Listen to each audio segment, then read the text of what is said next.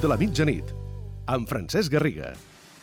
Què tal? Benvinguts, aquí Francesc Garriga. S'acaba el 22 d'abril i ens sumem la sang. I no és perquè ens haguem punxat amb una rosa, sang figurada, eh, que quedi clar. Però aquesta sang que ens sumem és la del futbol català, perquè hi haurà batalla. Ahir us explicàvem que la federació plantejaria un referèndum perquè els clubs decidissin com acabar la temporada, com es resol una temporada que no es podrà acabar. Doncs bé, aquesta nit us explicarem quines són aquestes dues opcions.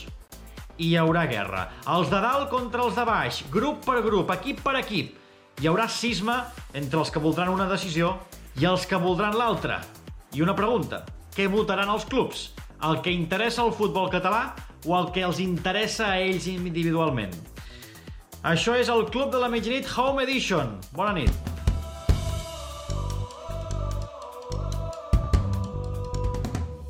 Laia Todel, com va? Bé, mira, aquí. Una rosa, no? Sí, d'aquestes casolanes. M'estic preparant per demà. Sant Per Sant Jordi. Jordi. Molt aquesta bé. no punxa, eh? No, aquesta no sang. punxa. No, no és com el futbol català. Atenció perquè ahir us explicàvem que hi hauria aquest referèndum, doncs ara us expliquem les dues opcions que es plantejarà la Federació Catalana als clubs, les dues opcions que estaran a referèndum. Atenció, Laia, que això generarà una mica d'enrenou. Sí, perquè mireu les dues opcions que podran votar. La primera, s'acaben aquí les competicions i, per tant, les classificacions que han quedat en la jornada que es van suspendre les competicions, tots són les que valen i els equips que estan primers o per pujar són els que pujaran i els equips que estan per baixar baixaran. O segona opció, s'anulen totes les competicions. No ha existit res del que s'ha jugat fins ara i tornem a començar des de zero.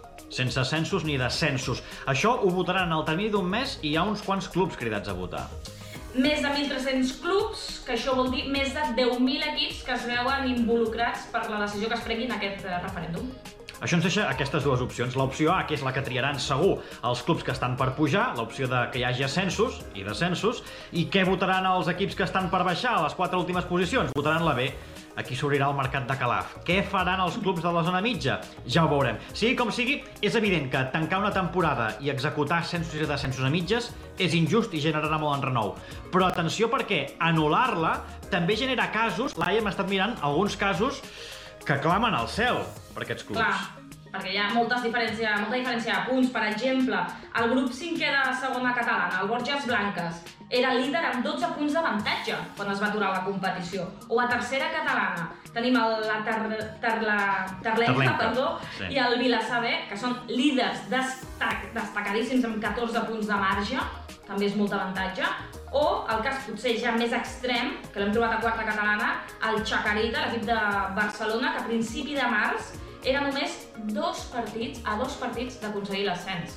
Ara els expliques tu que no pugen. Bé, sí, com sigui, gran renou, hem anat a buscar dos dels nostres experts en futbol català. El Marc Marvà, que fa la secció del Juguem a casa al Club de la Mitjanit, i el Jordi Mèlic, del Malic del Futbol del Tot Gira, ens diuen què els sembla aquest referèndum que plantejarà la Federació Catalana. Doncs no són unes opcions que em convencin, ni molt menys, cap de les dues que es plantegen en aquest referèndum. Ni l'opció A ni l'opció B. I és que, de fet, l'opció del referèndum jo ja no la trobo una solució correcta. Deixar en mans de clubs aquesta decisió crec que podria ser més encertada que la prengués la pròpia federació. Per què? Els clubs miraran pel seu propi interès. I aquí l'únic estament capaç de mirar per l'interès col·lectiu és la Federació Catalana. En aquest sentit, si hagués de triar una opció, jo plantejaria una tercera, que és la que fa la Federació Espanyola.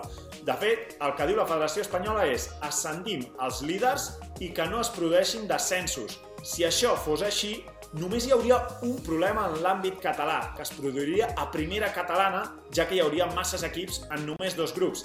En aquest cas, per resoldre-ho, podria ascendir un dels dos segons a tercera divisió i d'aquesta manera s'acabarien de compensar els grups. Si em permeteu, jo afegiria una tercera opció. Veient que això va per a llarg i que genera molta incertesa, i sobretot també per preservar la salut de tothom, que crec que és el més important, jo reprendria la competició la temporada que ve, és a dir, fer la Lliga 2019-2021, amb més tranquil·litat, sense presses, amb els play-off i eh, veient que és una situació excepcional, però bàsicament també per preservar la salut. Dit això, l'opció plantejada per la federació de fer un referèndum la trobo poc encertada. En aquest sentit, crec que ha de ser la pròpia federació qui hagués decidit només una solució i executar-la. Però obrir un debat ho trobo molt innecessari. Demà segur que hi haurà un renou amb tot plegat, uh, tindrem reaccions de clubs. Uh, va, obrim capítol de Aquí no hay quien liga. Avui hi ha algun capítol interessant o no? No, avui s'ha repetit la reunió d'ahir de la UEFA que es va fer amb les federacions, avui amb els clubs, i els han comunicat el mateix. Prioritat acabar les lligues i el mes d'agost, si es pot, es jugarà la, la Champions, les competicions europees. Sí, com sigui, uh, si es reprèn, tot apunta que serà porta tancada, i alguns han pensat, Sí. home, si ha de ser porta tancada, no cal obrir els estadis, potser poden anar als camps d'entrenament. Clar, però aquí, per exemple, l'Espanyol ja ha deixat clar que no, que ho descarta. No jugaran els partits a la ciutat esportiva de Sant Adrià, l'Espanyol juga, segur ha dit, a l'estadi de Cornellà del Prat, encara que sigui a porta tancada. En el cas del Barça, per exemple, l'opció de jugar al Johan Cruyff és una opció que de moment ni l'han estudiat perquè no la tenen ni sobre la taula. El Madrid és un dels primers que sí que va demanar permís per jugar al Valdebebas perquè ells, de fet, el que farien és aprofitar i començar les obres del Bernabéu. Així avancen feina. On sí que hi ha hagut avui moviments és precisament el Camp Nou pel patrocini, perquè l'anunci que va fer el Barça, això ha tingut recorregut ràpid. Molt ràpid. Ja avui ja han eh, tingut els primers contactes o han rebut ja les primeres empreses interessades en aquest patrocini solidari de posar el nom al Camp Nou durant un any a canvi de que tot el que pagui aquest patrocinador anirà a projectes que lluitin contra el, la Covid-19. És, una, és un procés, diríem, que portaran conjuntament l'àrea comercial i la Fundació del Barça. Veurem a veure quina és la marca que patrocina el Camp Nou, que segur que serà de, de que el Camp Nou tingui nom comercial. Ens deia la Laia abans, eh, la ciutat esportiva Joan Camp, però ens parlava del, del, de l'estadi Johan Cruyff. Avui l'Àlex Dalmas ens té preparada una secció que parla d'un equip que habitualment juga els seus partits a la ciutat esportiva del Barça. L'Àlex Dalmas ens descobreix secrets d'entrenaments en confinament. Avui us portaré el cas del juvenil A del Barça, perquè és el primer graó del futbol professional en el cas del Barça i perquè el mètode que han dissenyat Fran Artiga i els seus és tan creatiu com interessant. A part de les rutines físiques i els plànings que tenen, hi ha un entrenament enfocat a quatre vies telemàtiques diferents. En primer lloc, un vídeo que rep cada futbolista de la plantilla amb conceptes que ell mateix ha demanat de millorar. Hi ha talls que ha preparat el cos tècnic i també hi ha una part en la qual se'l compara amb el jugador del primer equip que ocupa la seva mateixa posició, per tal de veure coses que ha de millorar. Tot això amb un qüestionari amb unes preguntes que ell ha de respondre. En segon lloc, un altre vídeo d'equip, amb coses que el cos tècnic vol reforçar. Per exemple, la manera de jugar, la distribució dels espais, com es vol pressionar o com superar un plantejament rival. També qüestionari, preguntes i respostes. En tercer lloc hi ha els famosos challenge, els reptes tècnics individuals que es llancen una vegada a la setmana i que tots els futbolistes tenen 24 hores per fer-lo. I en quart lloc es munta una reunió telemàtica perquè es vegin tots les cares amb el programa Kahoot, on es preparen unes preguntes, aquestes sí divertides, per fer tots els de la plantilla i per passar una estona divertida. Quina és la gràcia? Que tot té punts i per tant hi ha una classificació diària i una classificació final, un premi i un repte per als perdedors. Per tant, la competició està servida.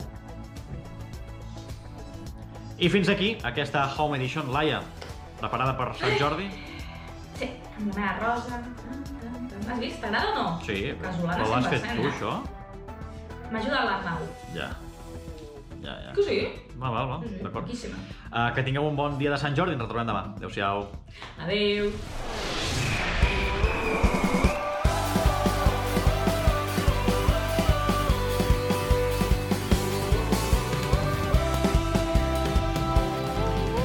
El Club de la Mitjanit, amb Francesc Garriga.